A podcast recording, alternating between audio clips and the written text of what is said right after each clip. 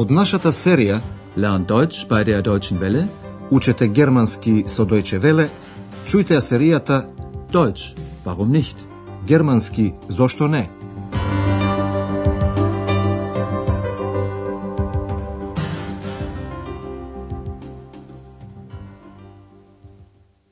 Liebe Hörerinnen und Hörer. Добар ден, почитувани слушателки и слушатели. Нарете 19-тата лекција под наслов Како се зборува со еден цар? Ви шприхтман ми тајнем кајза. Во предходната лекција, Андреас и неговите родители направија една прошетка низ Ахен. Господја Шефер беше изненадена од знаењето на Екс. Таа знае дека името на Ахен значи вода. Екс тоа го научила од Андреас. Обрнете внимание на личната заменка во датив им.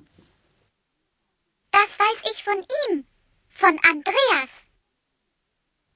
Екс знае дека водата од бунарот на Елиза има одвратен вкус. Обрнете внимание на личната заменка во датив ија. Das habe ich ihr gesagt. Потоа ја разгледа Ахенската катедрала, каде што Карло Велики имаше своја резиденција. Karl der Große hatte hier seine Residenz. Во денешнава лекција ќе чуете нешто повеќе за Карло Велики. Андреас направи разговор, односно интервју со него. Јасно дека при тоа станува збор за чиста фикција, бидејќи Карло Велики живееше пред 1300 години. Во 800-та година тој во Рим е крунисан за цар и до смртта живееше во Ахен. Да го чуеме фиктивниот разговор. Ваша задача е да откриете od kade v ovoj mig dođa Karlo Veliki.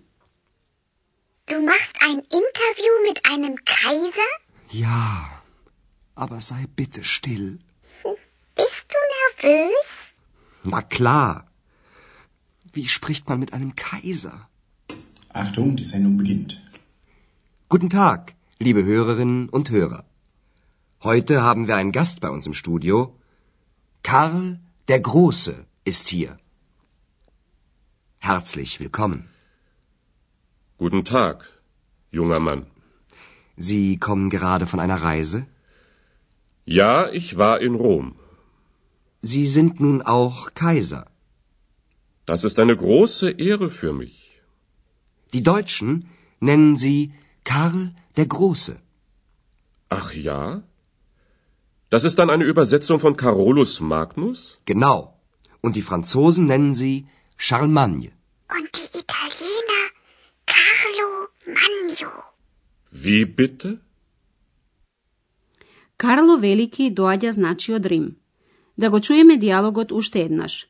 Во почетокот, Екс го прашува Андреас љубопитно. Ти правиш интервју со еден цар? Du machst ein Interview mit einem Kaiser? Откако Андреас го замолува да биде потивка, Екс го прашува дали е нервозен. Bist du nervös? Природно што Андреас е нервозен, бидејќи станува збор за прашањето како да се зборува со еден цар. Wie spricht man mit einem Kaiser? Еден глас од техниката му дава на знаење на Андреас дека емисијата почнува. Die Sendung beginnt. Андреас ги информира слушателите. Денеска имам еден гостин кај нас во студиото. Heute haben wir einen Gast bei uns im Studio. Андреас го почнува интервјуто за патувањето, Рајзе, на Карло Велики. Вие доаѓате од едно патување. Sie kommen gerade von einer Reise? Карло Велики бил во Рим и таму е крунисан за цар. Тоа е голема чест, ере, за него. Das ist eine große Ehre für mich. Андреас го прашува Карло за презимето, Велики. Германците ве нарекуваат Карло Велики. Die Deutschen nennen sie Karl der Große. Карло Велики забележува дека неговото име е превод од името Каролус Магнус. Латинскиот јазик тогаш се говореше во многу земји. Карло Велики прашува, Тоа значи е превод од Каролус Магнус. Das ist dann eine Übersetzung von Carolus Magnus? Андреас потврдува и кажува дека за неговото име има француска и италијанска верзија. Андреас вели: Французите ве нарекуваат Шарлмање. Die Franzosen nennen sie Charlemagne. А Екс знае дека италијанците, ди Италиена, Карло Велики го нарекуваат Карло Мањо. Und die Italiener Carlo Magno. Во вториот дел од интервјуто, Карло Велики сака да знае како е денеска во Ахен. Андреас кажува колку Карло Велики е славен, берумт. Во Ахен постои бунар на Карло, Карлсбрунен. Исто така секоја година се доделува Карловата награда, Карлс Прайз, за заслуги за единството, die Einheit на Европа. Ваша задача е да откриете како реагира Карло Велики на Европа. Wie gefällt Ihnen Aachen? Aachen gefällt mir gut. Besonders die Quellen. Die Wärme tut mir gut. Und Sie? Wie lange sind Sie schon in Aachen? Seit einem Jahr. Und wie ist Aachen heute? Sie sind sehr berühmt. Auch heute noch. Ach ja? In Aachen gibt es den Karlsbrunnen, Das ist eine Ehre für mich. es gibt den Karlspreis. Karlspreis? Ja, für die Einheit von Europa. Ach, Europa. Ich hatte gute Kontakte in die ganze Welt. Konstantinopel, Откако Карло Велики го слушна зборот Европа, носталгично воздивна. Ах, Европа, мислејки на неговите контакти во целиот свет. Да го чуеме разговорот уште еднаш. На прашањето на Андреас, како му се допаѓа Ахен, Карло Велики одговара. Ахен ми се допаѓа многу, особено изворите. Топлината ми годи. Aachen gefällt mir gut. Besonders die Quellen. Die Wärme tut mir gut. Карло Велики ненадејно го прашува Андреас. Колку време сте веќе во Ахен? Wie lange sind Sie schon in Aachen? Андреас вели едноставно, веќе една година. Seit einem Jahr. Карло Велики сака да знае како е денеска во Ахен. Андреас вели дека Карло Велики и денеска е мошне славен, sehr berühmt.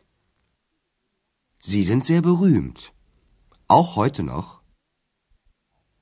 Андреас раскажува за бунарот и за наградата, der Preis, што го носат името на Карло, Карловиот бунар и Карловата награда. Der Karlspreis се доделува еднаш годишно во Ахен на лица заслужни за единството, die Einheit на Европа. Es gibt den Karlspreis für die Einheit von Europa. Карло Велики со носталгија се подсеќа на старите времиња кога имаше добри контакти, контакте, со целиот свет. Јас имав добри контакти во целиот свет. Ich hatte gute Kontakte in die ganze Welt. Да ги оставиме двајцата и да се вратиме на членот во датив.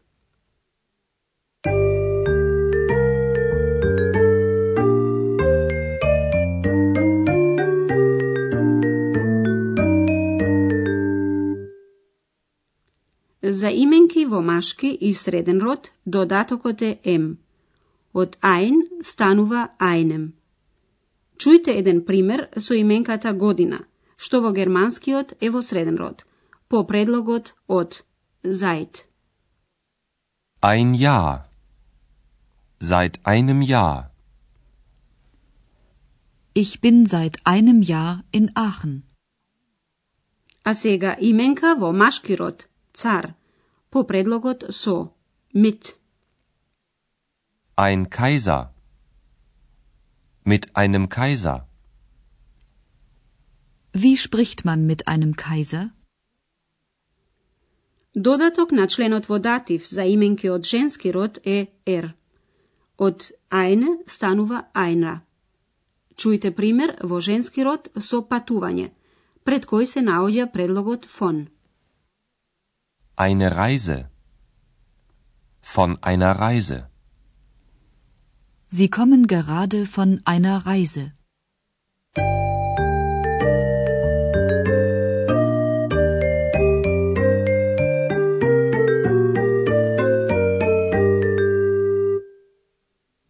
На крајот да го чуеме целиот разговор уште еднаш. Du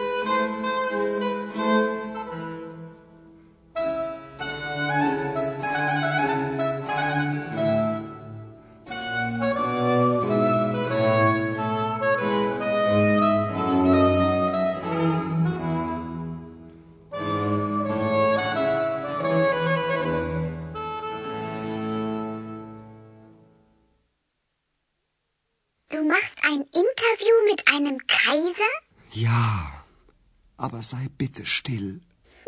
Bist du nervös? Na klar. Wie spricht man mit einem Kaiser? Achtung, die Sendung beginnt. Guten Tag, liebe Hörerinnen und Hörer. Heute haben wir einen Gast bei uns im Studio. Karl der Große ist hier. Herzlich willkommen. Guten Tag, junger Mann. Sie kommen gerade von einer Reise? Ja, ich war in Rom. Sie sind nun auch Kaiser. Das ist eine große Ehre für mich. Die Deutschen nennen Sie Karl der Große. Ach ja? Das ist dann eine Übersetzung von Carolus Magnus? Genau. Und die Franzosen nennen sie Charlemagne. Und die Italiener Carlo Magno. Wie bitte? А сега и двајцата зборуваат за денешен Ахен. Wie gefällt Ihnen Aachen? Aachen gefällt mir gut. Besonders die Quellen. Die Wärme tut mir gut. Und Sie? Wie lange sind Sie schon in Aachen? Seit einem Jahr. Und wie ist Aachen heute? Sie sind sehr berühmt. Auch heute noch. Ach ja? In Aachen gibt es den Karlsbrunnen, Das ist eine Ehre für mich. es gibt den Karlspreis. Karlspreis? Ja, für die Einheit von Europa. Ach, Europa. Ich hatte gute Kontakte in die ganze Welt. Konstantinopel, За денеска толку. До слушање. Auf Wiederhören. Тоа беше германски Зошто не? Радиоговорен курс на Херат Мезе во продукција на Дојче Веле и на Гетовиот институт од Минхен.